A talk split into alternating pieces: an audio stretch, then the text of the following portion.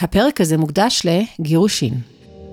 שלום, שלום, אני דבי קצב, בעוד פרק בפודקאסט המתקצבת, תוכנית שבה אני מסבירה בשפה מובנת אה, עניינים שונים הנוגעים לכיס הפרטי שלנו, נותנת דוגמאות, טיפים, המלצות, מביעה את הדעות שלי כשצריך, מראיינת אנשים רלוונטיים בחלק מהפרקים, הכל במטרה לעזור בניהול חיים מאורגנים וטובים יותר מבחינה כלכלית, בדגש על עצות שימושיות ופרקטיות וקצת מוטיבציה לנשמה.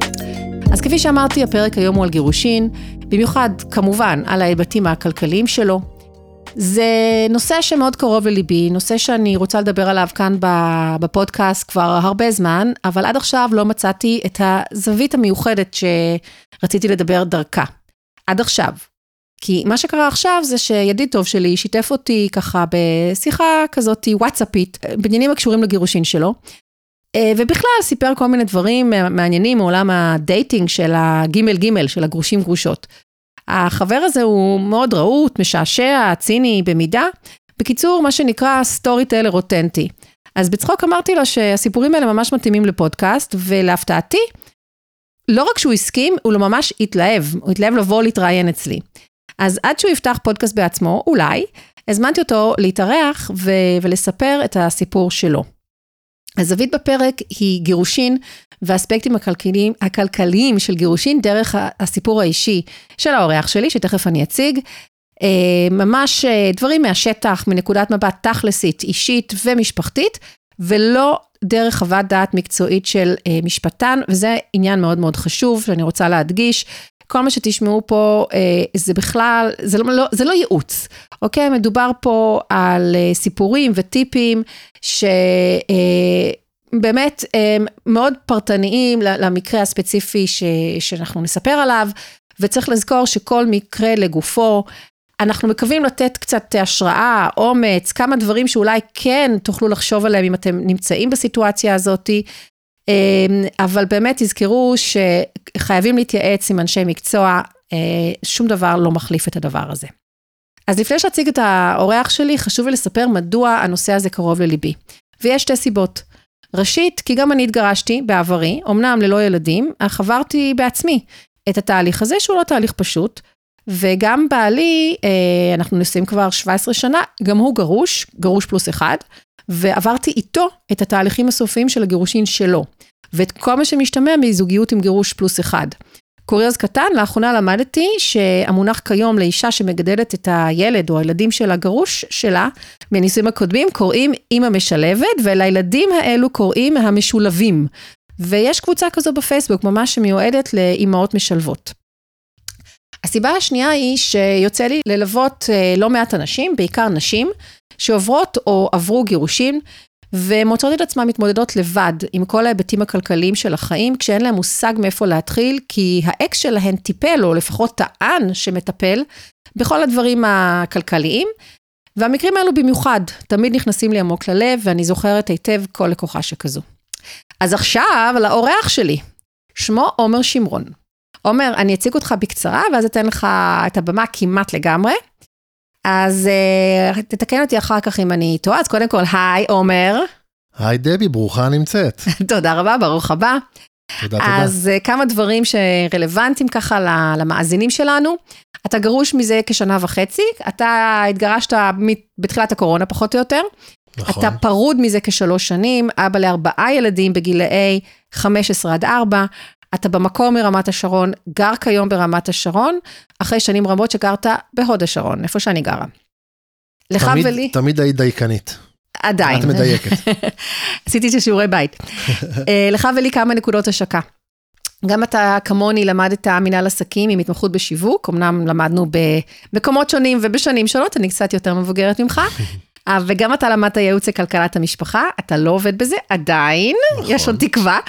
אה, שנינו היינו בין המובילים של אה, מחאות ופעילות חברתית בהוד השרון, או שיצא מהוד השרון, כמו מחאת הארנונה זכורה לטובה. ואתה ידוע בקרב חברינו כאלוף בלהתראיין במדיה, אתה תמיד שנון, יש לך כל מיני משפטי מחץ כאלה וכל מיני שאלות כאלה שאתה מעלה בממש מספר אה, מילים בפייסבוק, מי שעוקב אחריך, או יעקב מעכשיו, אה, יראה את זה בעצמו. ואתה יודע לעשות רעש, אתה יודע ללחוץ אה, כשאתה רוצה ללחוץ, כדי שדברים יזוזו, כדי שדברים יקרו, ולא כל אחד הוא כזה, וזאת גם הסיבה שאתה פה היום. דייקתי? דייקת, תודה רבה על המחמאות, דייקת מאוד, ושוב, תודה על המחמאות, ואני מקווה שאני אצדיק אותן בפרק הזה. אז uh, תכף נתחיל. אני רק רוצה להגיד עוד דבר, uh, לפני שאנחנו ממש נצלול פנימה, שזה באמת פרק מיוחד, זה נושא שלא פשוט לדבר עליו. יש פה עניינים של צנעת הפרט, אז כמובן אנחנו גם מאוד uh, ניזהר ולא נצלול לפרטים שלא צריך לדבר עליהם. ולגבי הנושאים הספציפיים שקשורים לגירושים וניהול כלכלי, אז יש עוד דבר שאני חושבת שקשור לעניין, שזה העניין של סדר בכל המידע והניירת, לא רק במספרים, כי גם זה מאוד חשוב ב, ב, בתחום שהוא עתיר פרטים ו, ומסמכים.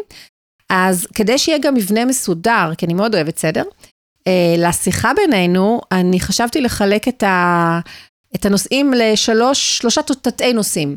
קודם כל נדבר על הניהול הכלכלי העצמי, שקשור לגירושין ולחיים שאחרי גירושים, אה, להתנהלות הכלכלית בכל מה שקשור לאקס, לאקסיט, והתנהלות בעניינים הקשורים לילדים וכסף. אוקיי? על הכיפאק, זה חלוקה... הגיונית. הגיונית וברורה ונכונה. אחלה. אז אנחנו נתחיל בנושא הראשון, שזה הניהול הכלכלי העצמי, ופה אני אשמח אם תספר לנו איך, אה, איך זה היה אצלך. מה עשית שאתה ממליץ לעשות, מה, מה אתה ממליץ לא לעשות, אה, בגירושים עצמם, וכמובן בחיים אה, שאחרי, ואתה יכול להתחיל גם אם אתה רוצה קצת לספר על, אה, על התהליך עצמו, כי אולי זה גם ככה הקדמה טובה גם לנושא הזה. כן, סבבה, בכיף, אני אסביר אה, שנייה על איך מתחילים את התהליך. לפני זה, ברשותך, Mm-hmm. תמיד ככה זה מרואיין, הוא מכניס את מה שיש לו להגיד, אה, למרות שהמראיינת אה, כבר רצה קדימה, אז אני רוצה להגיד שני דברים, שלושה דברים. אחד, אחד כבר אמרתי, תודה על כל המחמאות. קטונתי, ואני מקווה מאוד להצדיק אותם פה ולעזור לאנשים שנמצאים בתהליך, או שכבר סיימו את התהליך. שתיים, רציתי להגיד תודה רבה על ההזמנה ועל ההזדמנות ועל הניסיון ועל החוויה. אני נרגש ומתרגש, ותודה שהבאת אותי לכאן, לפודקאסט שלך, להתארח. ממש אה, מודה לך מקרב לב, ובאמת עשיתי את, זה, עשיתי את זה בחפץ לב ובכיף. בהתלהבות אפילו. ובהתלהבות. אתה אוהב להתראיין, אז אוהב אה, להתראיין. אתה אוהב מיקרופון, אז הנה. אוהב מדיה, אוהב להתראיין. אה, כמו שאמרת במחאות, הייתי היית דובר המחאות. הדובר, בדיוק. דובר המחאות שעשינו ביחד. והדבר השלישי שכבר אמרת, ואני רוצה ממש לחדד אותו, פחות בקטע, כלומר, אני אסביר. זה לא ייעוץ משפטי, אבל אני לא רוצה לדבר על זה, אני רוצה להגיד שאני מספר את החוויה האישית שלי, את ניסיון החיים שלי, את מה שקרה לי. כן. אין פה אמת אחת. כל מקרה אה, לגופו. כל מקרה לגופו. אה, כמובן זה לא מחליף לקחת אה, עורך דין, מגשר, תכף נדבר על זה, יועץ לכלכלת המשפחה, אקטואר, סוכן ביטוח, יועץ פנסיוני, כל בעלי המקצוע הרלוונטיים פה. אני מדבר על הניסיון חיים שלי, על החוויה שלי, על מה שקרה לי. לכן אני צופה פה לפודקאסט מעניין מאוד, כי זה ממש מהקרביים שלי, אבל אני לא עורך דין, ואני לא יועץ אה, גירושין אה, רשמי, דרך אגב, מקצוע... אה... יש מקצוע כזה? אין, אבל נראה לי שאולי צריך להמציא כזה דבר. שליש מהאוכלוסייה לפחות מתגרשים. הנה, זה גם מתקשר לכלכלת המשפחה, אז הנה. זה לגמרי, יועץ גירושין, אולי זאת הקריירה הבאה שלי. איך תדע?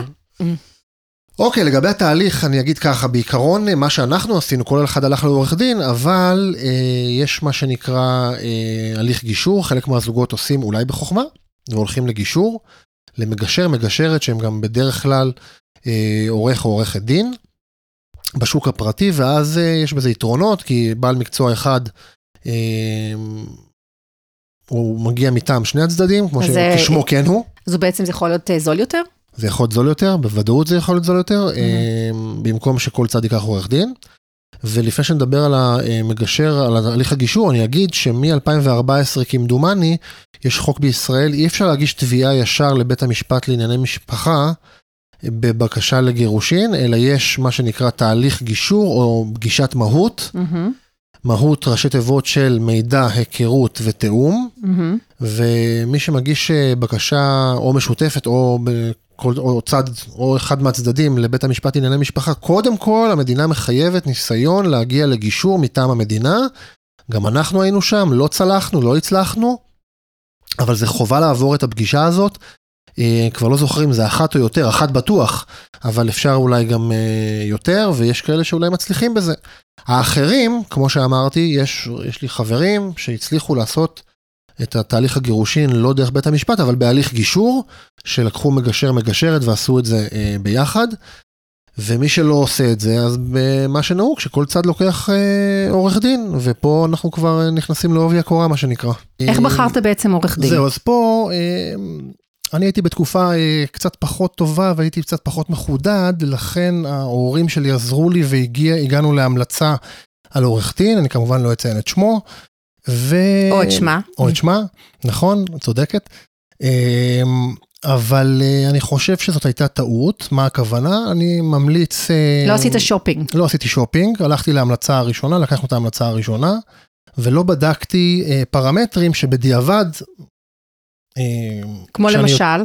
כמו למשל... איזה פרמטרים היית בודק uh, אם היית עושה... כמובן עלויות, קודם כל עלויות, כל אחד עובד אחרת, גם מבחינת הסכום עצמו וגם מבחינת אפקט התגמול.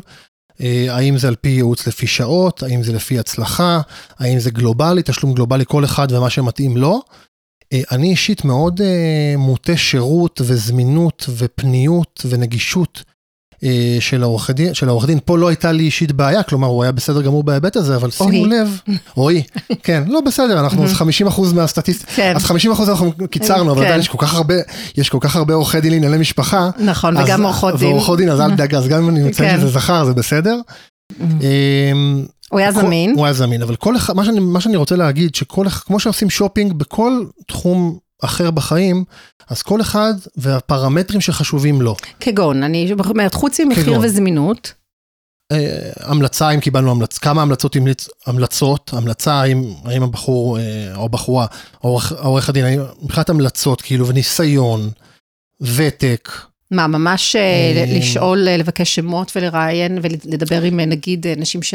ש... ש... לקוחות כן, לעבר שלו? כן, אני, אני עכשיו, ייתכן ואזדקק לשירותים נוספים של עורכי דין, אני לא אכנס לפרטים, ואני בוודאי אבחר אחרת. כלומר, אני אלך, וזה מה שאני ממליץ, mm-hmm. ללכת לשלוש פגישות. לשלם עליהן. גם אם זה עולה כסף של שעת ייעוץ, 400, 500, 600, 700, 800 שקל, יכול להיות גם 1,000 שקל. שוב, אני לא, כל אחד והתקציב שלו, ו-1,000 שקל זה נחשב יקר לשעה, אבל גם יש ב-400 ו-500 שקל אה, בעלי מקצוע מכובדים. Mm-hmm. הייתי ממליץ בחום ללכת לעשות שופינג, ללכת ל... ממש לבוא ולראיין אותם אה, ולשמוע מה לספ... יש להם להגיד באותה שעה כן, שאתה משלם עליה. לספר את המקרה שלך, איפה אתה נמצא, מה הוא ממליץ, מה הוא מציע, מה העלויות, להתרשם, אין טוב ממראה עיניים, אה, לנסות לראות גם את, הז... כבר במועד קביעת הפגישה, אתה רואה את הזמינות ואת הנגישות, האם נקבעת פגישה לעוד יום-יומיים, האם יש הרבה אפשרויות להיפגש, האם זה לעוד שבועיים, איך הכימיה, איך הדינמיקה, כמו. סוכן ביטוח, שכימיה... כמו עם יועצת לכלכלת המשפחה. נכון. אתה חושב שכימיה ונחמדות הם אה, פרמטרים שהם חשובים פה? חושב, אני משוכנע בזה, זה תהליך אישי מאוד לא פשוט. כלומר, שיהיו נחמדים משפחה. אליך, אבל לא בהכרח... נכון. נחמדים בבית המשפט. הכוונה היא שהחיבור שלך עם עורך הדין או עורכת הדין יהיה אה, כמו שצריך. זה תהליך ות, מאוד אישי. שתהיה תקשורת טובה. ותקשורת טובה. כן. ואמפתיה, ומקצועיות, ועלויות, וזמינות ונגישות, כל אחד והשוב והפרמטרים שלו. ממה שידוע לך, יש אה, עורכי דין בתחום הזה שלוקחים לפי שעה או לפי הצלחה או גלובלי? כל אחד מתמחר את זה אחרת. Mm-hmm. יש הבדל אם הולכים להסכם. לחוזה, להסכם גירושין, והאם הולכים לבית משפט, לתביעות. העלויות משתנות כמובן שזה בית משפט, זה הרבה יותר אה, יקר. שעות. בגדול אני יכול להגיד ממה ששמעתי שהסכם יכול לעלות 10,000, 20,000 שקל. וללכת לבית משפט, 30, 40 ושמעתי גם 100 אלף שקל וצפונה. ויש כאלה שעובדים לפי פר שעה, עם בנק שעות, אה, אתה משלם מקדמה ואז הם מדווחים לך. זאת אומרת, לך, אתה בעצם אומר, תעשו, אה, תעשו את השופינג ותבקשו באותה פגישה. את אה, התמחור, ממש אפילו בכתב, אפשר להגיד? כן, במייל, לקבל במייל את התמחור. תמחור פר שעה. גם את השיטה וגם את העלות. אוקיי. כלומר, זה לא נחשב חשוב. חוצפה או משהו ממש כזה. ממש לא, זה חלק אה, נכבד מההחלטה. אני, אני מאוד אוהבת את זה, כמו שאני אוהבת לתת גם הצעות מחיר ללקוחות בכתב, מסודר, שלא יהיו אה, אחר כך, אמרת לי, ודברים כאלה, כן. אוקיי, ופה אז... אני מודה שאני קצת... אה, בסדר, בזמנו... לא, קצת טעיתי ב... אוקיי, אז בזה שאלתי אותך, שבה, מה היית עושה אחרת? בדרך שבה בחרתי, פה הייתי עושה אחרת. אז... אין חכם כבעל ניסיון, אומרים משהו כזה? לגמרי. עכשיו אוקיי. אם אני אצטרך בכל תחום שהוא, גם משפטי וגם לא, אני למדתי את הלקח שלי ואני אדע להתנהל אחרת. יפה, יפה שאתה משליך את זה גם לתחומים אחרים. בטח. אוקיי, ואז זה, זה בעצם, בוא נגיד על אה, בחירת העורך דין, ממש במועד של, אה, של התהליך של הגירושים עצמם. כן, אבל אני רוצה לח- לחדד פה משהו ששוב, אה, גם אם הולכים לגישור, ומי שלא הבין, גישור זה בעצם הולכים לבן אדם אחד, ושעושה את ההסכם לשני הצדדים ביחד, אז העלויות יותר נמוכות. אני עדיין הייתי אה, ממליץ על שני דברים. לנסות. גם לנסות, וגם בכל זאת שעוד עוד עין. עוד עין או שתיים יראו את ההסכם. עין מקצועית. גם עין מקצועית, בכל זאת הייתי לוקח עורך דין מהצד. אפשר אה, לעשות את זה. עורך הדין, כן, אפשר לעשות את זה, אה, אין שום בעיה, לקבל הערות, וגם יכול להיות אפילו מישהו עם ניסיון. ניסיון חיים. ניסיון חיים, חבר, חברה, משפחה, מישהו שמבין, יש אנשים שמתגרשים, שנכנסים לעובי הקורה, מניסיון אני אומר את זה, אני מכיר כן, כמה אנחנו כאלה. מכירים כמה כאלה, כן. כן, אני מכיר כמה כאלה, גם כן. משותפים וגם לא משותפים, נכון, חברים, נכון. שנכנסים לפרטים וממש מומחים כמעט ברמת אבל עריכת זה, דין. זה, זה ממש שווה לפתוח את החיים שלך, כן. כי לא תמיד אנחנו רוצים בפני חברים להיחשף ככה. נכון, אתה צריך חבר טוב, משפחה, גם להם להראות, כי לפעמים אתה מפספס סעיף, אה, טועה לא. בסעיף. עכשיו, אני אשאל אותך שאלה קצת רגישה. כן. אה, לך, בוא נגיד, היה את המזל שהמשפחה שלך יכלה לתמוך בך, נכון. כלכלית, ב- גם במהלך הזה. נכון. יש לך מושג מה עושה מי שלא יכול עכשיו לשלם 10,000, 20,000 שקל לעורך דין, או שצריך פשוט לשלם את זה בתשלומים עשר שנים קדימה? שאלה מעולה, אה, אני אתה בטח חושב... פוגש אנשים, אתה עכשיו, אתה מאוד מעורב בעולם הזה. במשפחה. אחד, אני חושב שהרבה נעזרים במשפחה. שתיים, פורסים לתשלומים. שלוש, אני מאוד מקווה, גם וזה התחום קליניקות, שלך. יש גם יש קליניקות גם, ל- אה, שבק- באוניברסיטאות וכל מיני ויצו שיל, ונעמת. אני חושב, שירות ייעוץ כן, אבל לאזרח, זה, אבל עוד פעם, בדרך כלל זה לא ייעוץ עומק, הם לא ילוו אותך לכל התאריך. בדיוק, אני לא מכיר תהליך. שיש ממש בחינם. אה, אני חושב שמשפחה תומכת, אני חושב שתשלומים, אוקיי, אז מה שאמרנו. ואני אגיד לך עוד משהו אחד, אה, חלק לוקחים מהחסכונות, לא כן. מהשוטף, זה סכום נאלצים, גדול. נאלצים להשתמש בחסכונות לטווח ארוך. נכון, ומשהו מהתחום שלך, אני מניח שגם חלק לוקחים הלוואה על דבר כזה. אה, שזה בדיוק כן, התחום שלך, שאני מאוד מאוד נגד ושונא הלוואות, אבל לפעמים אין ברירה. כן, אני אישית נעזרתי במשפחה, בהורים, כן. שנאלצו לשלם זה- לי לא מעט כסף על כן, הדבר הזה. זה, זה, מצד אחד זה מזל, נכון. מצד שני אני בטוחה שלא עשית את זה ב... לא כך נעים. זה, זה לא נעים, באמת, נעים. זה בדיוק לא נעים. עכשיו בוא נדבר קצת גם בתחום הזה של ניהול כלכלי עצמי, אה, על היום-יום, כי בעצם יש פה ירידה ברמת החיים. אז בוא תספר לי על זה. קודם כל, אני רוצה אמ, לחדד אה, מעבר לירידה ברמת החיים, אמ, איזשהו סעיף אה, מאוד חשוב שקשור גם, גם לפרק, לחלק הזה בפודקאסט וגם לחלק הבא. אני חושב שפה זה המקום אה, לדבר עליו. אמ, ברגע שאתם מחליטים על הגירושין ועל מה שנקרא מועד הקרע, התאריך, המועד הקובע, גם, אני מדבר מניסיון חיים ומטעויות שעשיתי ועשינו, תנסו כמה שיותר מהר לחתוך את הדברים ולא לגרור אותם. לדוגמה, הקטע של חשבון הבנק המשותף, רוב הזוגות הנשואים בחשבון בנק אחד משותף, ואז צריך לסגור אותו, רצוי לסגור אותו, אה, מאחר ואם לא עושים את זה, יש מחיר אה, נפשי, נפשי וכלכלי של ההתחשבנות החודשית. אבל גם ככה יש התחשבנות חודשית, גם אם נכון. החשבונות משות... אה, מופרדים מההתחלה. נכון, אבל אז זה קצת יותר פשוט, כי זה די ברור, אתה צריך להעביר, אנחנו נדבר על זה בפרק, בחלק הבא, אתה צריך להעביר מזונות, מדור, מחציות, אנחנו נדבר על זה עוד, אבל הדברים מאוד ברורים. ברגע לא, ברור שברגע נשאר, שחשבון משותף זה עושה את הכל הרבה יותר מסובך והרבה יותר לא נעים והרבה יותר... מי שילם, מה שילם, על חשבון המזונות, על חשבון המחציות, ואז יש לזה מחיר כלכלי של כאוס, וכל חודש להתחשבן, וזה נחשב, הסעיף הזה לא נחשב, כן נחשב, ואז אה, פה, אני, מה שאני רק ממליץ, במועד הקרע, שאתם מתגרשים, לעשות את ההפרדה. תחתכו, את ההפרדה. אוקיי. לגבי ירידה ברמת החיים, אה, אני נאלצתי לחזור להורים.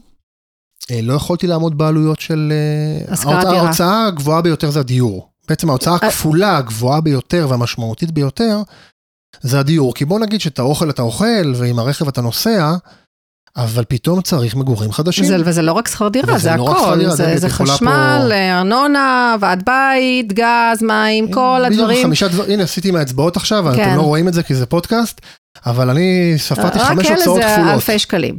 ארנונה, מים, למה- חשמל, למה גז ועד בית. למה אתה אומר כפול?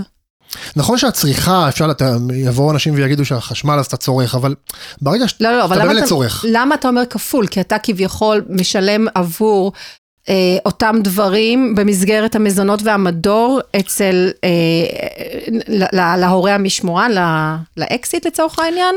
כי זה לא כפול. אתמול נפגשתי עם יה- חבר, מהמם. ואני נפגש עם חברים, שכולם אה, חושבים שלהתגרש זה רק מזונות. אנחנו תכף נגיע גם לזה. וזה לא נכון, אבל רגע, יש עוד לא- השתתפות במדור. לא, אבל למה אתה אומר שזה הוצאות כפולות? אתה צריך דירה נוספת. אבל אתה יש, לא אה, משלם לבד על הדירה איפה שהילדים שלך גרים רוב נכון, אתה הזמן. משתתף. אתה משתתף. אתה משתתף. זה לא כפולות, זה אחד וחצי. כן, נכון, אני- אוקיי. אני קורא לזה כפולה, אבל את אתה- צודקת. בסדר, בואו לא נגיד כפולה, כי זה קצת. כאילו דאבל וזה נוספת, לא דאבל, זה נוספת. נוספת. אוקיי, אין בסדר. ספק ששכר, פתאום לגור בשכר דירה אחד, או לחילופין בדירה אחת, או לחילופין בדירה ממושכנת עם הבנק אחת, יש שני מקומות אה, כן, אתה משתתף בזה לגור. עדיין, כי יש פה ילדים באמצע. נכון, נכון, יש ארבעה ילדים, אתה משתתף במזון ובביגוד שלהם, והארנונה היא כפול, היא, היא, פה אפשר להגיד שהיא כפולה בעצם, כי יש לך את הארנונה, יש את הארנונה, שוב, בראייה משפחתית זו הוצאה כפולה, נכון שאת צודקת, זו הוצאה נוספת.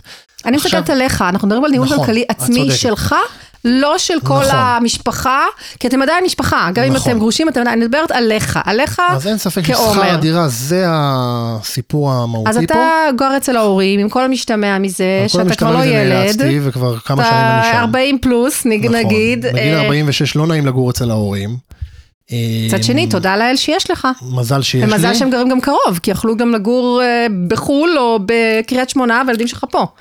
יש לי אז- חברים שאם הם אה, מתגרשים צריכים לחזור צפונה או דרומה להורים. בדיוק, סיפור. וזה ממש קשה. יש לי בחור שאני מכיר, כמובן לא אפרט, שקשור לעבודה שלי, שסיפר לי שהוא שלושה חודשים גר במשאית. אלוהים ישמור. יש הכל מהכל, כן. ובהכללה אני אומר שגברים, אה, שוב זה בהכללה, אני לא רוצה שאנשים פה יקפצו ויתקוממו, אבל גברים אה, מאוד קשה להם לעתים אה, כלכלית ונפגעים מאוד כלכלית בגלל התשלום אני המזונות. חושבת שקודם כל שני הצדדים בדרך כלל, נכון, אלא אם כן באמת אה, מדובר על אנשים ששניהם אה, עובדים ומרוויחים ממש ממש טוב, שאין הרבה זוגות כאלה. ש, נכון. שגם בן הזוג, או גם הגרוש וגם הגרושה מרוויחים שניהם ממש טוב. ונכון שיש, נכון שיש פגיעה, אבל היא לא נכון. אסטרונומית, עדיין אפשר כאילו לחיות יפה. אבל אצל הרוב שניהם אני- נפגש, אני נפגש. שומע לא מעט, אולי כי אני. גבר, אבל אני שומע לא מעט גברים שהתרסקו כלכלית, ואני שומע יותר על גברים שגרים אצל ההורים מאשר נשים שגרות זה אצל נכון, ההורים. זה גם אני שומעת את זה.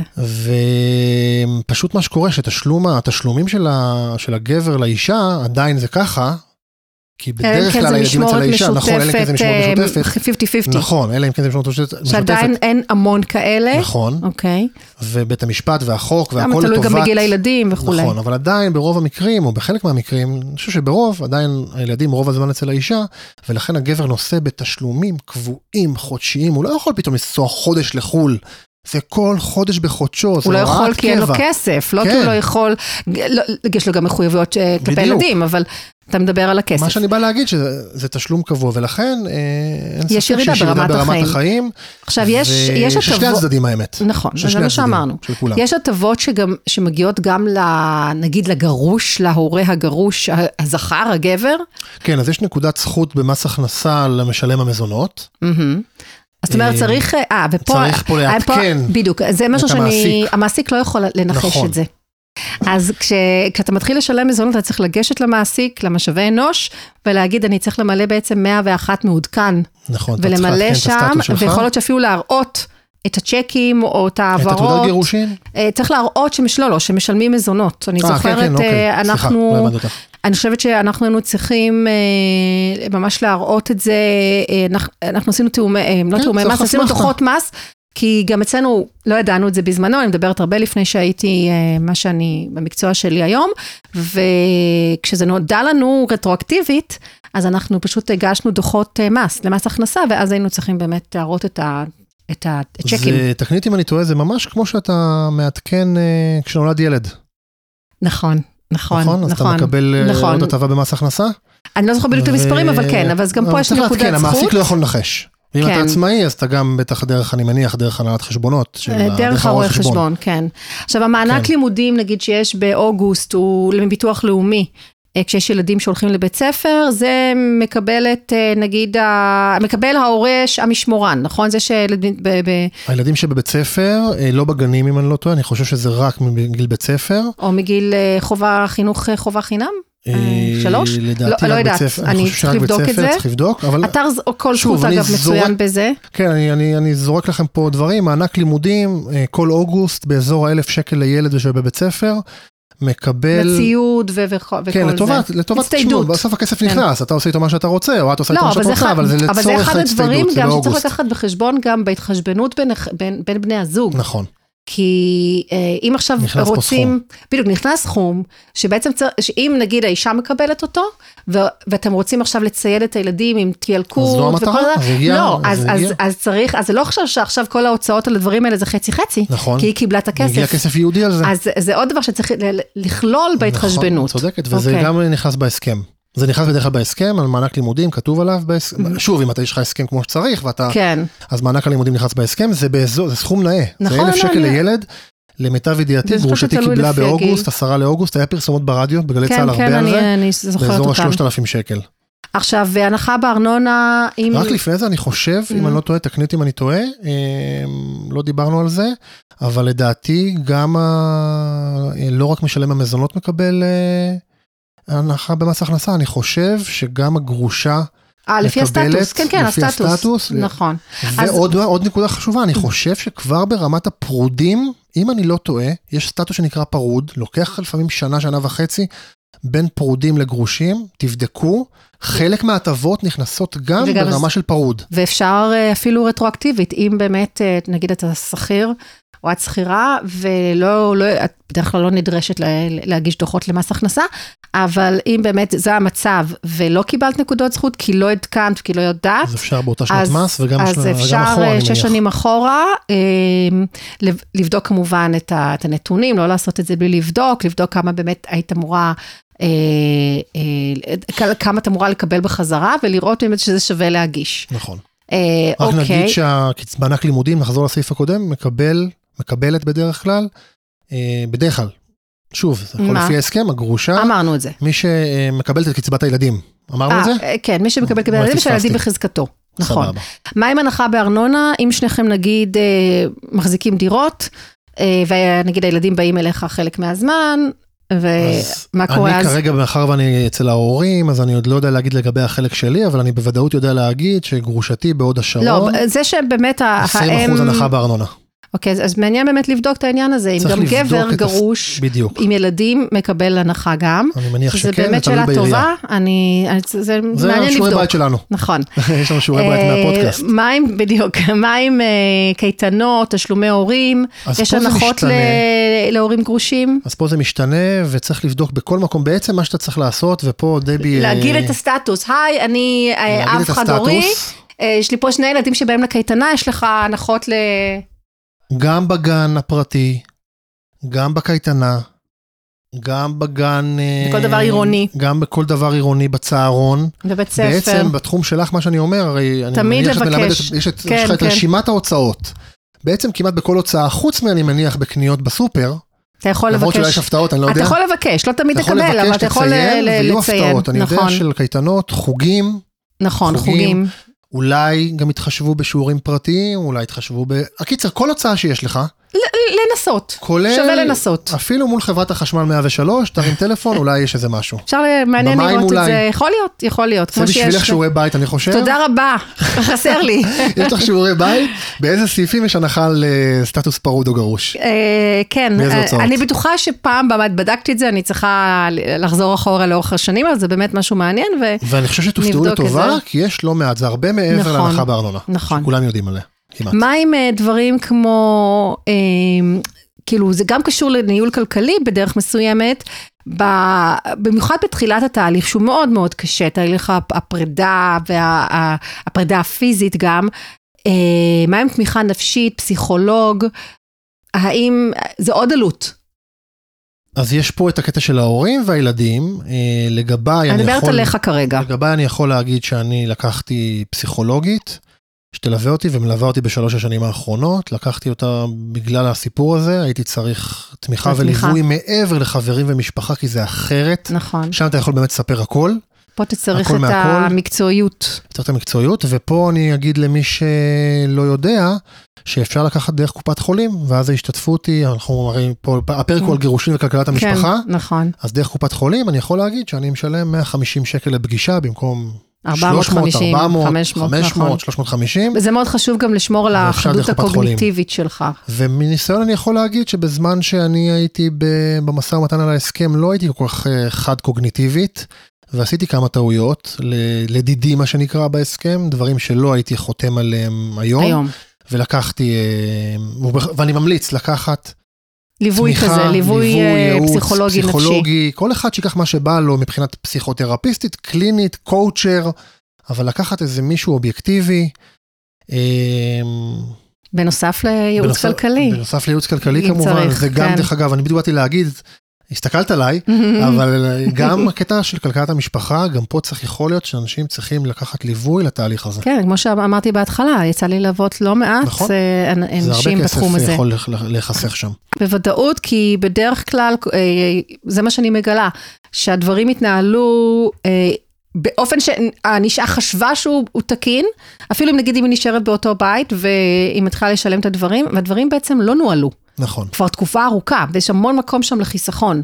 אז סביר להניח שאני גם, העלות ש- של יועץ, אה, מהר מאוד תחזיר את עצמה. נכון. אני עכשיו, רק אגיד שיכול להיות שהיה כאוס, והתהליך עצמו ב- יוצר כאוס. בדיוק, והדברים לא נוהלו כל התקופה תקופה מאוד המון- ארוכה.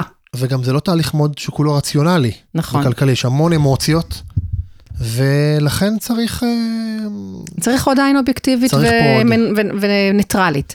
עכשיו, יש שורה עוד דבר תחתונה, ש... מאוד- זה מאוד יקר להתגרש. אנחנו תמיד אומרים, צריך לדעת ממי. להתגרש, נכון? זה מאוד כן. יקר להתגרש.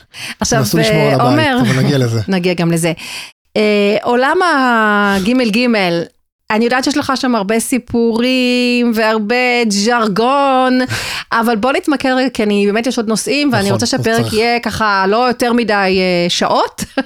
אה, רק על זה אפשר לייחד פודקאסט בפני עצמו. כן, זה, זה, זה, יש פודקאסטים שאפשר לדבר עליהם, זה לא שלי, אבל יש פודקאסטים בתחום הזה, כן. בנושא הזה. אה, הייתי רוצה שתקשור ככה באיזה משפט על הנושא הזה של, ה, אה, אתה בחרת לצאת לעולם הדייטינג, נכון. שאחרי הגירושים, יש אנשים שלא, שהם הם כל כך כאילו בתוך הקטע הזה נכון. של גם ה, ה, הילדים, בכל זאת לנהל את הילדים, או להתנהל עם הילדים בתוך העולם הזה של השונה כל כך, של נכון. הגירושים שגרים בבית אחר, ועבודה, וכל השוטף, שאומרים, קרה, ו- וקטע כלכלי. אומרים, אני עכשיו, עזבו נכון. אותי עכשיו מאפליקציות, ופייסבוק, וכל הדברים האלה, עזבו אותי מדייטינג, אני מתמקד. אתה בחר לעשות את הדברים אחרת, וגם לזה יש מחיר כלכלי. נכון, זה באמת אה, סוגיה מאוד חשובה. אה, אני אגיד ככה, למרות שאני גר אצל ההורים, שזה מכשלה בקטע של עולם הדייטינג, וזה ברור למה, לא צריך להסביר. כן. אנחנו לא בגיל שאנחנו מביאים כן, להורים. אנחנו לא בני 16. אנחנו לא בתיכון צבא שאנחנו כן. מכירים להורים את הדייט.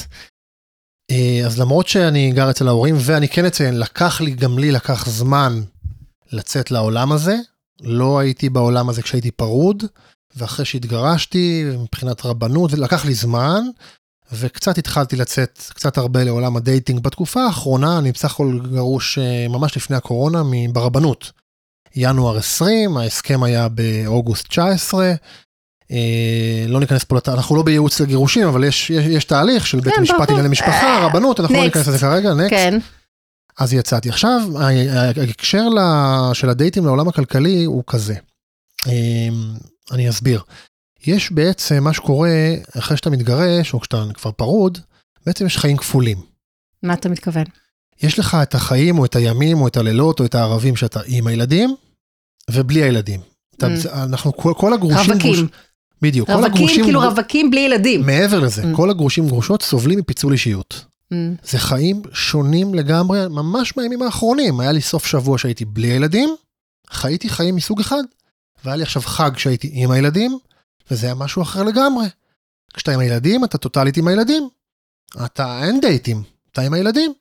וכשאתה בלי הילדים, אתה פנוי לכל דבר, הילדים אצל הגרושה או אצל הגרוש, כלומר כל אחד, אתם הבנתם אותי. כן. והמשמעויות הכלכליות שאתה רוצה אה, לטרוף, בימים שאתה... אה, בימים הפנויים. בימים הפנויים. שאתה בלי, זה נקרא עם ובלי, סופש עם, סופש בלי, זה הכל בקיצורים מדברים בעולם כן. הדייטינג. הכל מאוד קצר. אה, יש בלי, כזה, יש כזה, סופש עם, סופש בלי, כזה שישי בלי, אוקיי. שישי עם, שישי בלי, שבת עם, שבת בלי.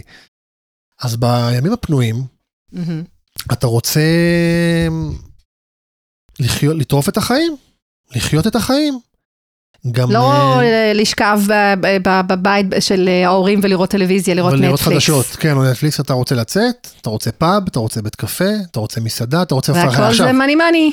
יפה. עכשיו אני לא אומר שנשואים, למרות שפה אפשר, טוב דבי את נשואה אז את יכולה להגיד לי איך זה כשנשואים, אני לא אומר שכשנשואים לא יוצאים לבלות, יוצאים. אבל יש פה אפקט, שאני לא פסיכולוג, זה אבל הרבה יותר, אין אין ספק יש פה שהכמות היא אפקט גדולה יותר. פסיכולוגי שאתה רוצה בימים הפנויים לחוות את החיים, הנה, לחוות את החיים, לטרוף את העולם, לצאת, לבלות, כי אתה גם פיצוי. רוצה פיצוי לפצות את עצמך, וגם אתה יודע שאו-טו-טו מגיע הימים שלך עם הילדים. ואם אתה יוצא, ואתה לא רק יוצא עם חברים, אתה לא משלם רק על עצמך, נכון. אתה בעצם גם יוצא לדייטים. יוצא לדייטים, ואז ופה כאילו אנחנו, מי משלם? אוקיי, אז יש פה, אז זה, זה, זה נקדיש פודקאסט אחר, סיפור שלם על מי משלם בדייט ראשון, כמה אוי. פוסטים נכתבו על זה, כמה תובנות, כמה תורות, כמה אג'נדות מי משלם, הגבר, האישה, חצי חצי, יש היתכנות, אין נו, היתכנות. וזה הפיקנטי, ספר.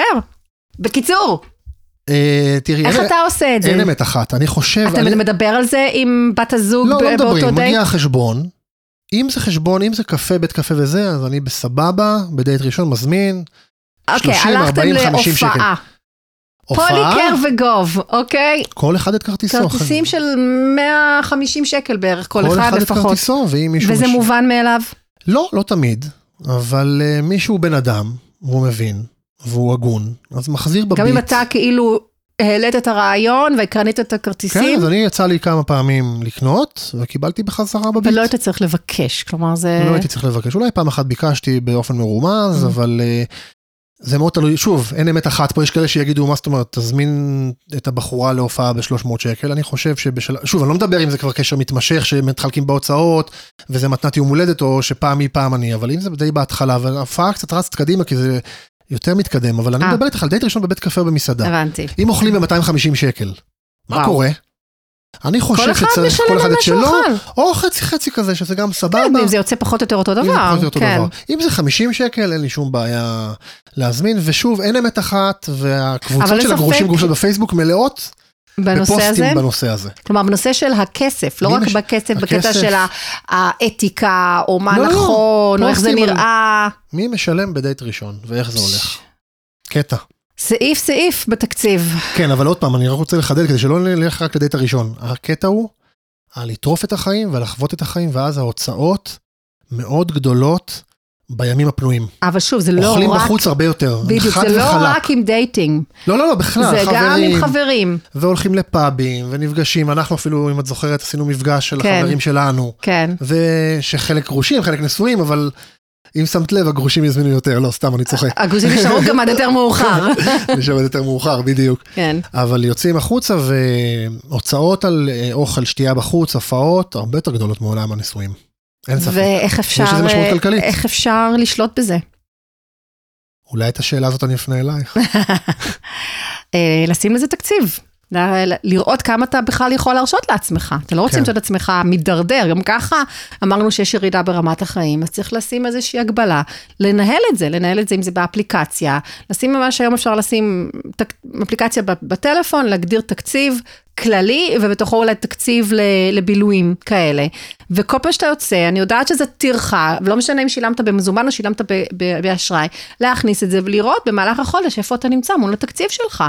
וגם אם זה אומר שאת הדייט הבא, או את היציאה הבאה, את הבילוי הבא אתה עושה בהליכה על חוף הים, ואתה מביא מים מהבית, או לא יודעת מה, משהו שיש לך במקרר, וזה הדייט, או זה הבילוי, גם אם אתה, זה בילוי עם עצמך או עם חברים, ואתה לא מוציא כסף, אז זה בסדר, זה גם, לא כל, דבר, לא כל בילוי צריך להיות מקושר לכסף. נכון. אפשר גם ל- ל- ל- ליהנות, ואפילו לפעמים יותר, בלי להוציא כמעט כלום. אז אני אגיד לך אה, שני דברים, אחד אפשר לבלות בבית, גם בבית אפשר לבלות. אם יש, אם אין אם הורים יש- שם. כן, אם לשני הצדדים, אה, אם לפחות צד, לפחות צד אחד לא חי לא אצל תמיד ההורים. צריך להביא משהו כשבאים להתארח. אוקיי, או בקבוק סודה. בסדר.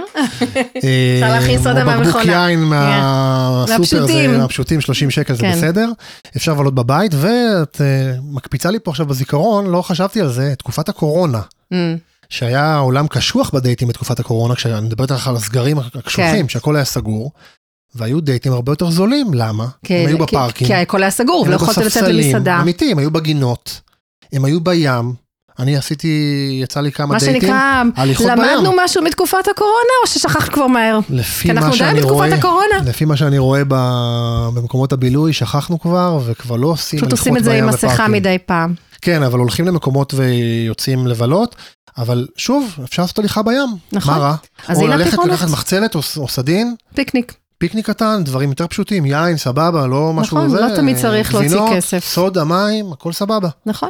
ואני חושבת שזה משהו שצריך גם להבין את זה, גם מהצד השני. כלומר, גם אם אה, מישהי שהיא רווקה, כן, ויוצאת ל- ל- לדייט עם גרוש עם ילדים, לקחת את זה בחשבון, נכון. לא לצפות אה, שזה יהיה אותו דבר כמו עם רווק, שאין לו ילדים.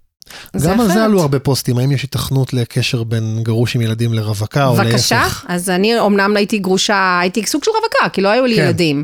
אה, אבל, אה, אבל זה משהו שבאמת, אה, כן, לקחתי בחשבון. לראש. כן. צריך להיכנס לראש ולהבין.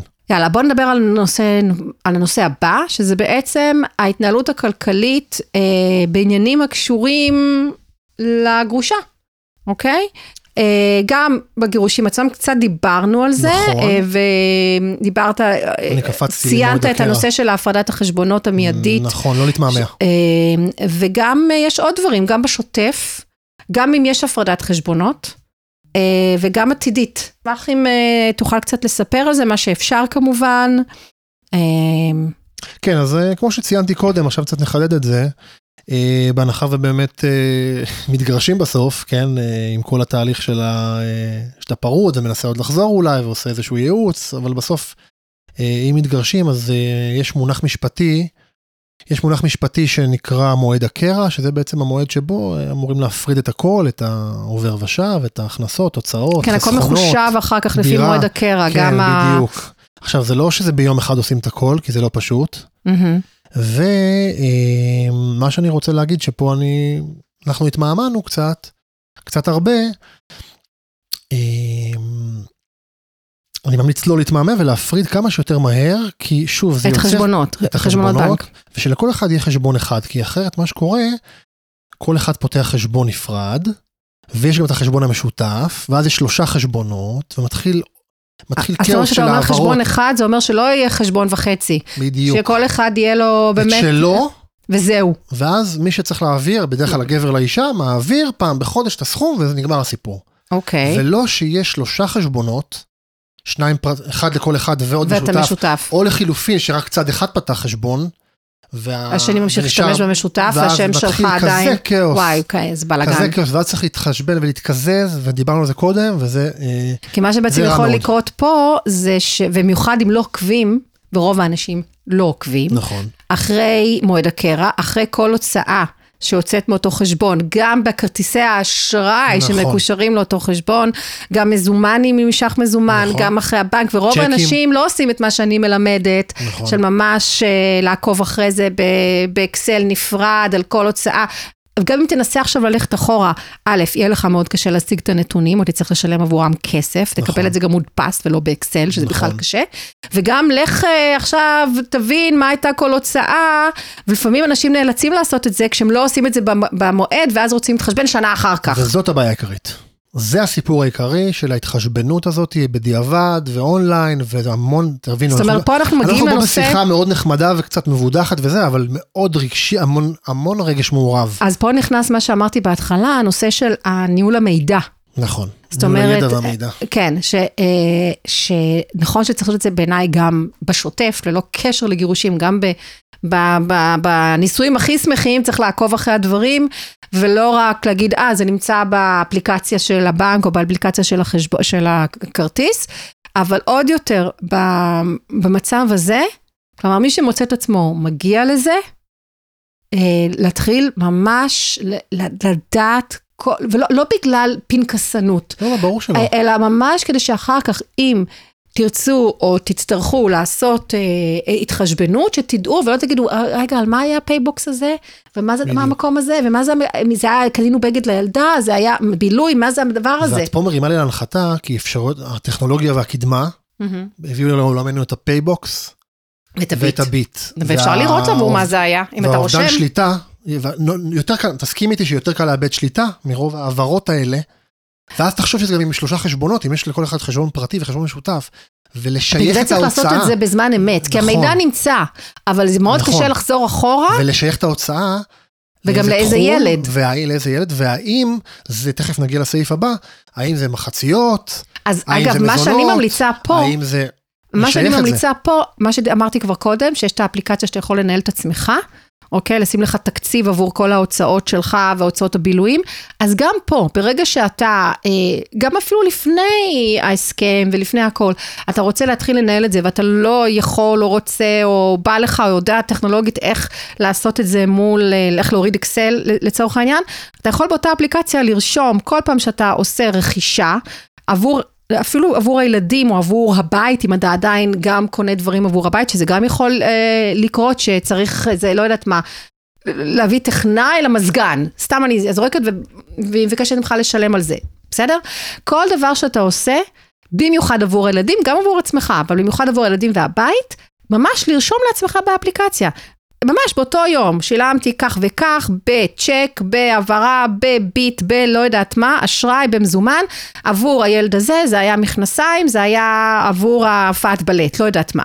ואז. יש לך בעצם database נכון. של עצמך, שאפשר להצליב אותה אם צריך מול נתוני, נתונים עצמם, אבל לפחות אתה לא צריך לה- להתחיל לחשוב, כי מי, מי זוכר מה, מה הוצאנו אתמול? בוא. בדיוק, אנחנו לא, לא ויצא לי, ויצא לי. שלא לדבר על שלושה חודשים או שנה.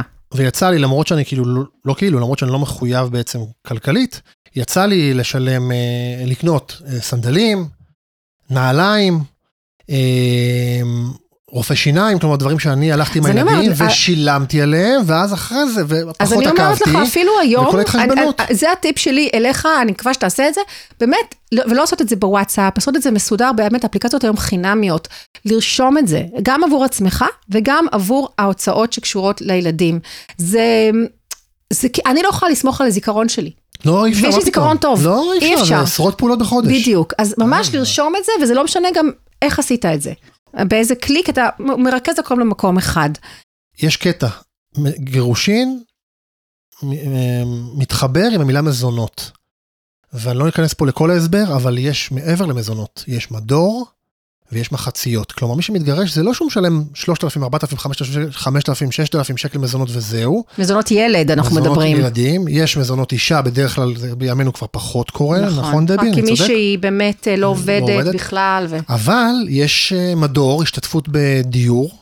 אני, במקרה שלנו זה פחות רלוונטי, אז אני לא אכנס לזה, אבל מעבר למזונות יש גם מדור. אבל בדרך כלל זה נכנס באותו סכום נכון, שמעבירים. אבל זה בגלל מה- אבל זה זה מגדיל את אנשים... הסכום. נכון, בגלל זה כשאנשים אומרים מזונות, הם כבר מתכוונים למזונות פלוס מדור. נכון, מסכים איתך. מ"מ. נכון, כן. מסכים איתך, אבל עדיין, תביאו את זה, בח... כן. זה מגדיל, זה מגדיל זה את הסכום מגדיל בעצם, כי יש. השתתפות בשכר דירה לצורך העניין, ויש את המילה מחציות שהרבה מאוד אנשים לא מכירים אותה, וזה אלפי שקלים יכול להיות. זה מחצית מההוצאות המשותפות על הילדים בלבד, זה לא מחצית מהארנונה או החשמל. לא, אבל על ההוצאות שהן בהסכמה, מעבר שהן מעבר למזונות. למזונות, שזה בעצם כן, אוכל, אמור- ביגוד. אמור להיות אוכל וביגוד. מעבר לאוכל ביגוד, ומעבר לאוכל ביגוד אתה שזה מדבר על מזונות, גן ילדים, גן ילדים, צהרון, צהרון, חוגים, חוגים, רופא שיניים. רופא שיניים. אם הוא פרטי כמובן, כן, שזה גם קטע. הולכים, שאלה טובה, אתה הולך כן. לפרטי, אתה הולך לציבורי, זה גם, אתה יכול גם לכפות את זה? זה תלוי מה, מה קורה בהסכם. נכון, זה איך- גם דברים נכון, שצריך, האם. אנחנו נכון, נשלם רופא שיניים או- נכון. או ובכלל אורתודנט. רופאים פרטיים. נכון, פרטי, אורתודנט. אוקיי, או שנלך ו- לקופת חולים. כן, וקייטנות אמרנו, ואמרנו חוגים, ואמרנו שיעורים פרטיים, ואמרנו אה, לא פסיכולוגים. אמרנו, אנחנו אומרים עכשיו, אומרים, כן. אמרנו, אני כבר לא יש זוכר. הרבה דברים שמעבר למזונות, שלא נמצאים כן, במזונות, שזה אלפי שקלים. כלומר שפה בעצם נדרש דיון משותף, האם בכלל מוציאים את הכסף הזה. נכון, אי אפשר לקחת בחשבון, אה, אני אני אקח אותו ואז אני אדרוש חצי. בדיוק. צריך באמת לדבר עם ה... בגלל זה צריך לשמור על ערוצי תקשורת טובים, כי בסופו של דבר, אנחנו זה אומרים, זה סוגיה. לטובת הילד, נכון. הילדים. ואנחנו אולי רוצים להיפרד אה, מחיים משותפים, אבל עדיין יש לנו ילדים, וזה הדבר הראשון שצריך להיות כנגד נכון. עינינו.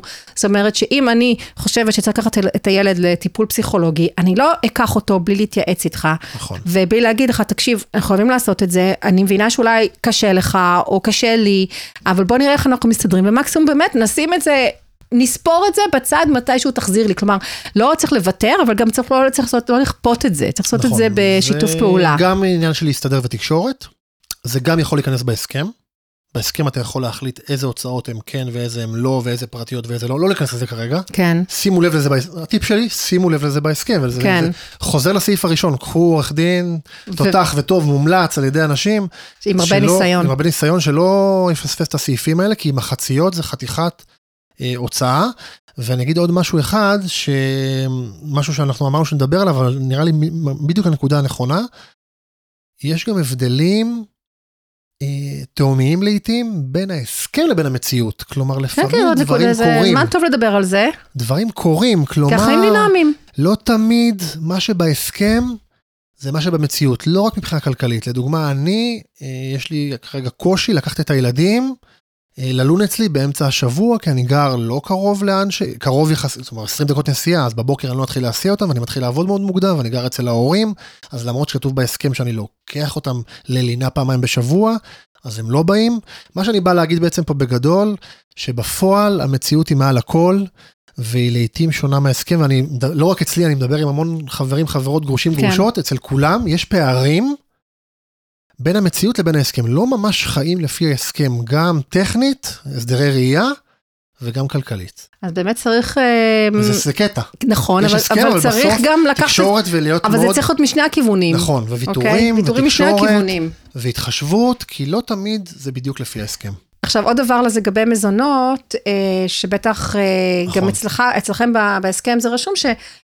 מגיל 18 משלמים, אה, או מסיום התיכון עד אה, סיום הצבא לדעתי, נכון. זה יורד לשליש פר נכון. אותו ילד. נכון, פר ילד. אוקיי? אז זה גם משהו שאנחנו מדברים על, על דינמי, אז אולי לך תהיה הקלה, אבל לגרושה זה הרעה. נכון. אז זאת אומרת, צריך לקחת את הדברים בחשבון, למרות שנגיד באותו גיל, אז ילדים קצת יכולים גם לעבוד, אפילו מגיל 16 נכון. או, או לפני. שני, הם אוכלים כמו חמורים. אה, כן. אז זאת אומרת, זה גם... הם רעבים כל הזמן. אני חושבת שמה שאנחנו אומרים פה שדברים מאוד מאוד דינמיים, נכון, אז מה ש... זה טיפ חשוב מאוד, לאו דווקא מה שאתה עושה עכשיו, זה מה שיהיה בעוד שנה או שנתיים, או בטח עוד עשר שנים. נכון. Uh, עכשיו אני כן רוצה... הדברים מאוד דינמיים, והחיים דינמיים, ודברים משתנים, ורגולציה משתנה, וכללים, נכון, ותקנות וחוקים. נכון, גם הרגולציה, וגם את זה צריך לקחת בחשבון. והילדים גדלים, ובגיל 18, אז הכל, ההסכם כאילו חתמת עליו והוא לנצח, אבל, אבל הדברים דינמיים. עכשיו, אני אחזור רגע בכל כן, זאת לנושאים של האיזון משאבים, נדבר על זה ממש דקה, כי אנחנו, יש לנו עוד נושא אחד לפני שאנחנו מסיימים. אה, שאני מניחה שזה משהו שפשוט צריך לעשות אותו אה, עם הרבה תשומת לב. עוד פעם, אנחנו מדברים פה על מידע, אתה צריך לשלוף מידע על הפנסיות ועל הנכסים ועל השווי אה, של, של הדברים, כדי לראות אה, איך אתם מאזנים את הדברים נכון. ביניכם, זאת אומרת שאתם צריכים שהמידע יהיה לכם יחסית זמין, שלא תצטרכו עכשיו להתחיל לפנות לחברות הביטוח, היום הכל בעצם נמצא אונליין, כן, אבל אונליין, עדיין לאתר את כל זה. בדיוק, ו... זה יכול להיות הרבה, זה כמו שעושים הצהרת הון, ופתאום צריך לדעת אם יצא לך אי פעם לעשות הצהרת הון. לא יצא לי, אבל הבאת כל המסמכים מכל המקומות. כן, זה המון מסמכים. כל הקופות גמל, קרנות השתלמות, פנסיה, ככל שתהיו יותר מסודרים במהלך החיים בכלל, נכון. אז יהיה לכם יותר מהר ויותר קל להגיש את כל הניירת. אומרת, בדרך כלל אה, מי שעושה את זה, זה נקרא... אקטואר. אקטואר. אז צריך להביא את כל הניירת הזאת ולהחליט גם אם, אם מוותרים על זה, אם כל אחד נשאר עם הדברים שלו, או אם עושים, כן עושים איזשהו איזון, אז עוד משהו שצריך. אז אני רק אגיד שאני פה, יש לי פחות תובנות לתת לכם, פרט לזה שצריך איזה, לסגור את זה בהסכם ולמצוא אקטואר טוב. אנחנו ויתרנו, כלומר, מה זה כל ויתרנו? כל אחד נשאר עם הדברים כל שלו. כל אחד נשאר עם שלו, עשינו חיים קלים. ולכן כן, זה כנראה הייתה גם איזה סיבה, זה לא רק כן. מרוחב לב, אבל... כן, החלטנו לוותר על, על הקטע הזה. עכשיו עוד דבר שאני שאלתי אותך, ובעצם זה משהו מעניין, עוד, עוד לשיעורי בית שלנו, חיסכון לכל ילד. אוקיי? כן. שאני בעצמי לא יודעת אם לשני ההורים יש... כחלון, אני חושב. נכון? כחלון עשה את זה, אם אני לא טועה? יכול להיות, כן. האם לשני ההורים יש גישה לראות את סטטוס החיסכון? נגיד הוא נמצא לא בבנק, אוקיי? או גם בבנק, זה לא משנה, הוא גם נמצא בבית השקעות. האם אני עכשיו יכול להיכנס, אם אתה להכניס את התעודת זהות של הילד שלי, אתה יודע, כי צריך תמיד סיסמה. אני אגיד ב-99% שלהערכתי כן, כמו שבקופת חולים אני אז יכול לראות. מעניין לבדוק את זה. אבל צריך לבדוק את זה. מעניין אז, לבדוק את יש לנו זה גם. קצת שיעורי בית. כן. ורציתי להגיד לך קודם, אפרופו האקטואריה, ועכשיו החיסכון לכל ילד, וזה התחום שלך, ככה בבדיחות הדעת שאני מצפה שה inbox שלך הולך להתפוצץ בפניות. כי כל כך הרבה עבודה כלכלית צריך לעשות פה, גם כשאתה נשוי, גם כשאתה מתגרש, גם כשאתה פרוד. אשמח לעזור כאילו, לכל מי אם אנשים שומעים את שאני הפודקאסט יכולה. אומרים, הם צריכים את דבי, כאילו, אה, בשביל אה, לעשות פה, אני מרים לך. תודה, תודה. זאת חלק מהסיבה שאנחנו עושים את זה, אבל, אה, גם כדי ש... אני, מאוד בעד שאנשים ילמדו ו- ויישמו. כלומר, גם אם מה שיצא מזה שזה שמישהו עכשיו יפתח את ההסכם שלו, או הוא ב- לפני, או היא לפני הסכם, וזה יעזור להם, ופתאום אמרנו משהו, מבחינתי עשינו, עשינו פה המון. אם ירצו את עזרתי, בהמשך, אה, בקטע הכלכלי, לה- להסתדר ביום-יום, שזה באמת ההתמחות שלי, אז בשמחה. נושא אחרון, עומר. אוקיי. אמ, יש עוד גורם בכל הסיפור הזה, שזה הילדים. הילדים כן. עצמם. וברוך השם, לכם יש ארבעה, ויש הרבה, כלומר, חוץ מההתנהלות הרגשית, ולבוא ולקחת ולהחזיר וכל הדברים האלה, יש פה כאן דברים שקשורים לכסף ישירות מול הילדים. כי אולי פיצוי בגלל הגירושין, אולי אמ, שאתה כבר נמצא איתם, אתה רוצה כאילו לעשות להם כיף, וכיף עולה כסף, כמו ב dating. זה בדיוק, הנה הרמתי להנחתה, זה בדיוק המשפט שיש לי להגיד, זה הצד השני של אותו מטבע שדיברנו קודם על עולם ה dating. אני רואה על עצמי, ו- סליחה, קטעתי אותך? או לא, לא, לא, זה? בסדר, בסדר. אני רואה על עצמי ויודע על עצמי ורואה בכרטיס אשראי ובמזומן את הקטע שכשאני איתם, אז אין ספק שהגבולות קצת הולכים לאיבוד. מאוד קשה לך להגיד לא, אם הם מבקשים משהו. מאוד קשה לי להגיד לא. כמעט כל הוצאה הולכת, כולל פיצה יקרה, כולל מכולת וממתקים, כולל מסעדות, כולל ארטיקים, כולל הולכים לחוף דור ושם אה, לקנות ארטיקים לחמישה אנשים, שזה אני וארבעת הילדים זה כמו משכנתה. ואתה לא אומר לא, ואתה אוכל בחוץ איתם, ואתה ומקדונלדס, ובא, לא, לא, לא, לא מפרסם פה אף מקום, אבל ובאולינג, ועל האש, ו... ודמי כיס. ודמי כיס. אני הולך למסעדה, אני הולך- אני הולכת... אני צריכה כסף. אני צריכה כסף, ל- לא לא למסעדה, למסיבה, הם הולכים למסיבות כבר ואני גדולים. צריכה כסף לאוכלים בזוברה, ואוכלים בגולדה, ואוכלים בזה, וכל ה... כל ה... אנחנו וזה גם משהו. שצריך, אה, שאני מניחה שחלק מזה כן מוסדר.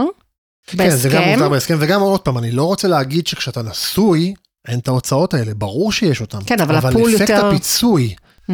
שאני מניח גם, אני משער, אני לא יודע, אני מש- משער שגם מגיע מהצד השני של גרושתי, אפקט הפיצוי הוא מאוד דרמטי פה, וזה גורם להוצאות אה, אז מה כבדות עושים? ומופרזות. איך כן שופ- אה, שולטים בזה? זה גם אה, שאלה שאני שואל אותך, וגם אין ספק שצריך לשים גבולות ולחנך ולתקצב, וזה מאוד קשה.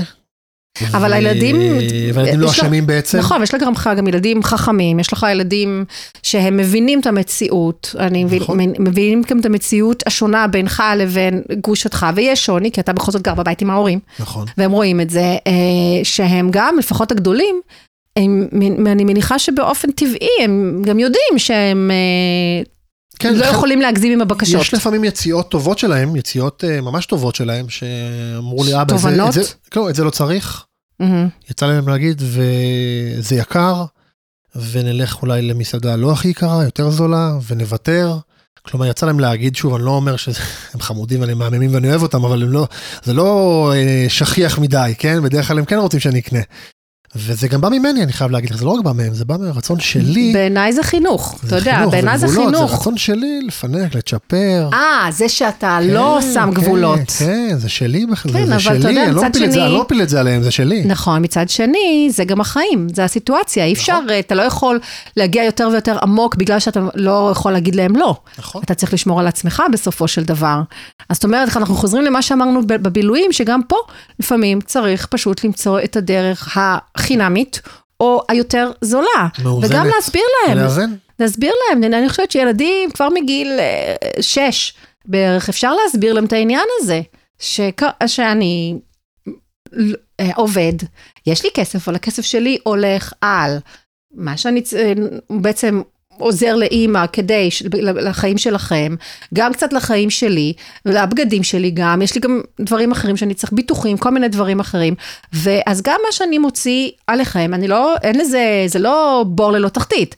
אז אמרת, כן אפשר להסביר, גם את זה אפשר לתקצב לעצמך, וכשמתחיל להגיע סוף החודש ואין לך, כבר אתה מגיע, מגיע לסכום שתקצבת, אז עושים אה, משהו חינמי, אל תשכח, יש לך גם הוצאות דלק גבוהות. אה, נכון, אני על הקו כל הזמן.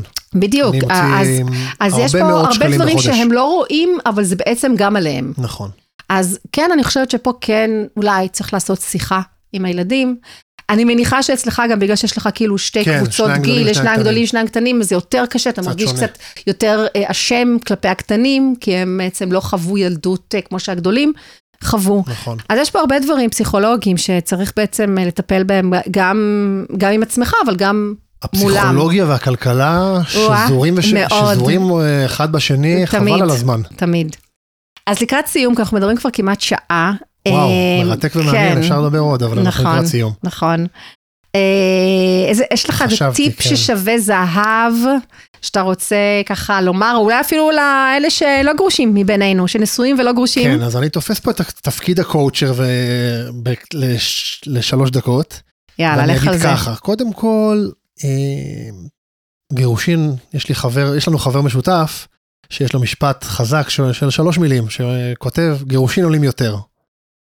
יקר בישראל, יקר לחיות פה, גם להיות נשוי עם שניים, שלושה, ארבעה ילדים באזור המרכז, ולא רק באזור המרכז, מאוד יקר בישראל, אנחנו יודעים שהמדינה מאוד יקרה. גירושין עולים יותר, תעשו כל מה שאתם יכולים.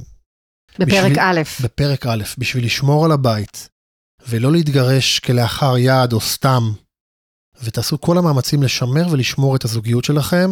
זאת אומרת לחיות בפרק א', כמו שאתה, כמו שהגרושים חיים בפרק ב' שלי. בדיוק אני מגיע, זה הטיפ שאני אה. כבר בא אה, להגיד. סליחה, גנבתי כן, לך. לא, לא, אין בעיה, אה, אין בעיה, אני, אני מגיע לזה, אני רק רוצה להגיד שתנסו לשמוע, עכשיו אני לא מדבר על מקרים, אני עוד פעם, אני חשוף, אני לא, זה, זה פודקאסט אחר, אני חשוף למקרים וסיפורים, ש- אני לא מדבר על אלימות, אנחנו לא מדברים על, על, על סיטואציות כאלה שחייב, שגירושים היו חייב. שבוא נגיד פה, must. שהאישה, בוא נגיד פה את האמת, שהאישה צריכה לברוח, כי יש אלימות כלכלית, נפשית, פיזית, מילולית, אז זה ברור. אבל במקרים היותר, נקרא להם הרגילים, תעשו כל מה שאתם יכולים. עכשיו אני אתן איזשהו טיפ, יאללה. אתן איזה טיפ לסיום, לזוגות הנשואים דווקא, נראה אם ישמעו את הפודקאסט. אמ, תראו, היתרון הגדול בפרק ב' זה ההפרדה של מה שדיברנו קודם, של הסופ"שים, סופ"ש בלי ימים פנויים, ימים לא פנויים. מהמם. ואז אתה בעצם, יש לך את הפיצול אישיות ואת שני סוגי החיים, את שני, עולמות, את שני העולמות שלך השונים. תנסו בפרק א', קצת לחיות מדי פעם כמו בפרק ב', ואני אחדד. מה הכוונה לא בדיוק? לעשות כל הזמן את הכל ביחד כתא אה, משפחתי. לזה אתה התכוונת. מדי פעם, תנו. מרווח ו space. עכשיו אני יודע כבר, אה, אנחנו נותנים space, נותנים... לא, לא. לא להגיד לתת space. כלומר, לפעמים אפילו בסוף שבוע, אחרי שבוע עבודה. לפרגן. שהוא יצא עם חבר'ה, עם חברים, אפילו סוף שבוע, אה. אפילו יום פה, יום שם, ערב פה, ערב כמו שם. ה... קצת לפני הקורונה זה היה יותר, אבל אה, נשים שנגיד נוסעות לטיול אה, ב... טיול נשים. טיול נשים בחו"ל. סבבה. שופינג בפולין. או גבר שהולך כן. לאיזה משהו בספורט לצורך סקי, העניין, כדורגל, סקי. חברים.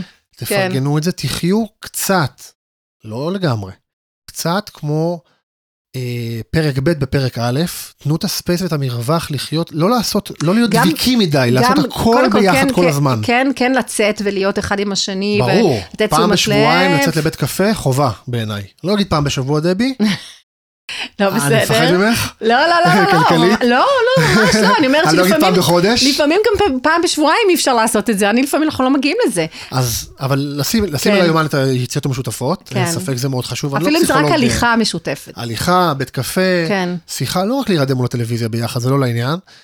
זה לא מספיק. אפילו בוא נגיד- ללוות אותו בנסיעה, לפעמים אני אומרת נכון. בוא אנחנו ניסע ביחד ונדבר, כי זה הזמן מעולה. היחיד שיש לנו, יש לך נסיעה, לא יודעת מה, אנחנו מורידים את הילד אצל החברה ברמת השרון, אני אומרת לה, יאללה, אני אבוא איתך, בסופי מעולה. שאני אבוא איתך, רק. יש לנו את הנסיעה בדרך, שנוכל לדבר, כי. בבית אנחנו מתחילים מיד עם הבישולים וניקיונות ועניינים. רעיון שלא חשבתי עליו, אז אני בפעם השלישית מחדד לכם כדי... דייט ברכב.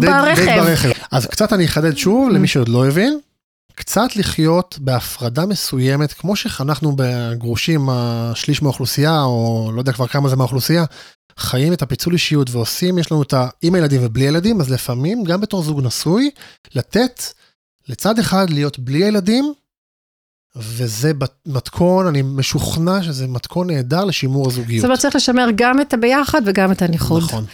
אוקיי, עכשיו, באמת שאלה אחרונה, ואני מקווה שיש לך תשובה ככה מהירה. אה, הילד הקטן שלך היום בן ארבע, יש לך עוד 14 שנים עד שהוא יהיה בן 18, ובוא נגיד ייגמרו המזונות. אתה בעצם חושב ככה קדימה על ה... קודם כל ה-14 שנים האלה, ואחר כך, מעבר? אני מודה שאני יותר בסטטוס של... אה, כאן ועכשיו? כאן ועכשיו, לשרוד את היום-יום. כבר הקטן עבר מגן... אה, אה, פרטי, פרטי לגן עירייה, אז ירד תשלום כן, משמעותי. כן, כי אמרנו שהכל דינמי ומשתנה כל הזמן. הכל דינמי, אז הייתי מחויב במחצית מעלות של אלפי שקלים גן פרטי הכי טוב באזור, אבל uh, עדיין עלות מאוד גבוהה. של צהרון הוא... פרטי. לא, לא, גן ממש, הוא 아, היה 아, בגן פרטי. היה, ש... היה. עכשיו הוא בצהרון של העירייה. כן, אוקיי, הבנתי. חובה. אז הדברים משתנים ודינמיים, ואמור לעלות פחות כסף מבחינתי, אז אמור להיות לי הקלה יותר בתשלומים, ואני מקווה שאני אצליח דרך זה. כן, אנחנו מקליטים בתחילת ספטמבר, אז עדיין כן. לא הרגשת את זה כל כך, נכון, כן. נכון, עדיין לא הרגשתי, ואני מאמין שאני אצליח בשלב מסוים. היעד שלי זה מגורים, היעד שלי הקרוב. זה כן אה, זוגיות ו... זוגיות, ובעיקר... לא עוד ילדים.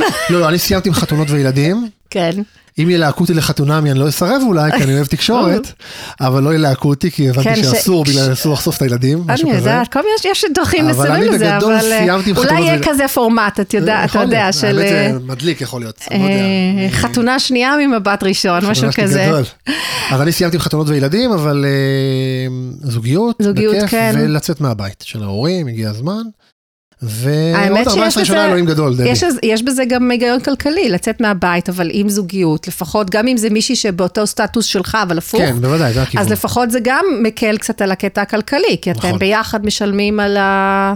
על המגורים. טוב, זה רצת קדימה קצת, זה בהנחה וגרים ביחד. בסדר, אני רצה קדימה, פרה פרה, כי אתה נכון. אומר שאתה אבנטשולי רוצה את זה. כן, אני לא יודע על מגורים משותפים. פה רוב האנשים, תכף, אני חוזר פה... בגלל הקטע של הילדים. רוב ה... גם הילדים וגם אנשים התרגלו. על הלבד.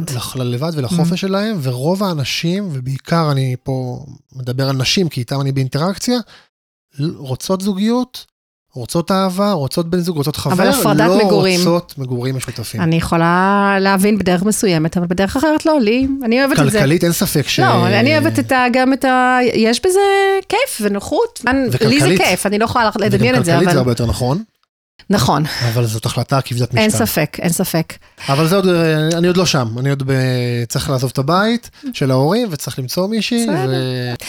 אז נחזור על כמה דברים. קודם כל, כל מה שאמרנו באמת זה הסיפור שלך, זה לא מהווה ייעוץ משפטי, לא נכון. לא מהווה ייעוץ כלכלי, לא מחליף את אלו. באמת שכל מקרה לגופו וכל אחד חייב את הייעוץ הפרטני שלו, אה, ומטרה שלנו הייתה לספר על גירושים ועל כסף, לשתף. בדרך חוויה אישית של אב גרוש, נכון. הוא ידיד טוב שלי. אה, אז אני משאירה אתכם, יש לנו שיעורי בית, נכון. אנחנו נעשה אותם, אני אעשה אותם. ואני אצרף אותם אה, מתישהו, כנראה אחרי שהפרק כבר יהיה באוויר, אבל בכל זאת אני אשאיר עם קצת שיעורי בית למאזינים. ולשתף את הפרק עם אנשים שנמצאים במצב הזה, או לפני המצב הזה, או קצת אחרי, או הרבה נכון. אחרי. שהסיפור שלך, עומר, יכול לעזור להם, לתת להם כוח, אולי חלק מהטיפים יהיו רלוונטיים אה, גם להם. ומי שרוצה ליצור איתך קשר, אז אפשר דרך הפרופיל פייסבוק שלך, למרות שיש לך כמעט 5,000 חברים. אין שום בעיה לשלוח אני... חברות, לשלוח הודעה במסנג'ר, עומר שמרון באנגלית. נכון, אני גם אשים קישור ב- קישור בסיכום של הפרק. אין שום בעיה לשלוח, ואתה מדי פעם מנפה קצת, אז אה, מקסימום לעשות לך פולו, אם לא אה, אפשר חברות. פולו, אפשר לשלוח חברות, אפשר לשלוח הודעה במסנג'ר, אני רואה אותה, ואני אעזור, מצוין. ואמליץ ואתן טיפים, מה, ש... מה שאתה יכול. בכיף.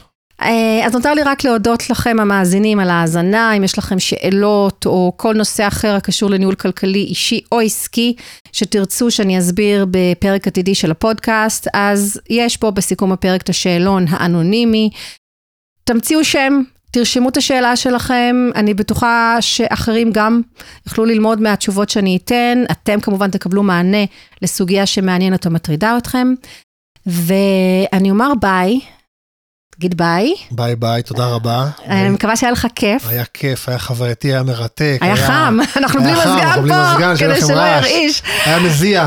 נכון, אה, תכף אנחנו... היה לי תענוג. הייתה חוויה, נכון? אמנם המקרה הוא קצת לא הכי משמח בעולם, גירושין, כן, אז לא אולי... הצלחה גדולה, אבל עדיין אני- הפודקאסט היה מה? הצלחה גדולה. אז אני אגיד, אני אגיד לך עוד משהו, ברגע שיהיה לך גם עדכון, סטטוס. אה, לא רק סטטוס, בכל מיני נושאים, לא רק בקטע הדייטי, ותרצה לדבר עליו, אז נעשה עוד פרק. בכיף. בכיף. בשמחה. תודה רבה, להתראות. תודה רבה. ביי.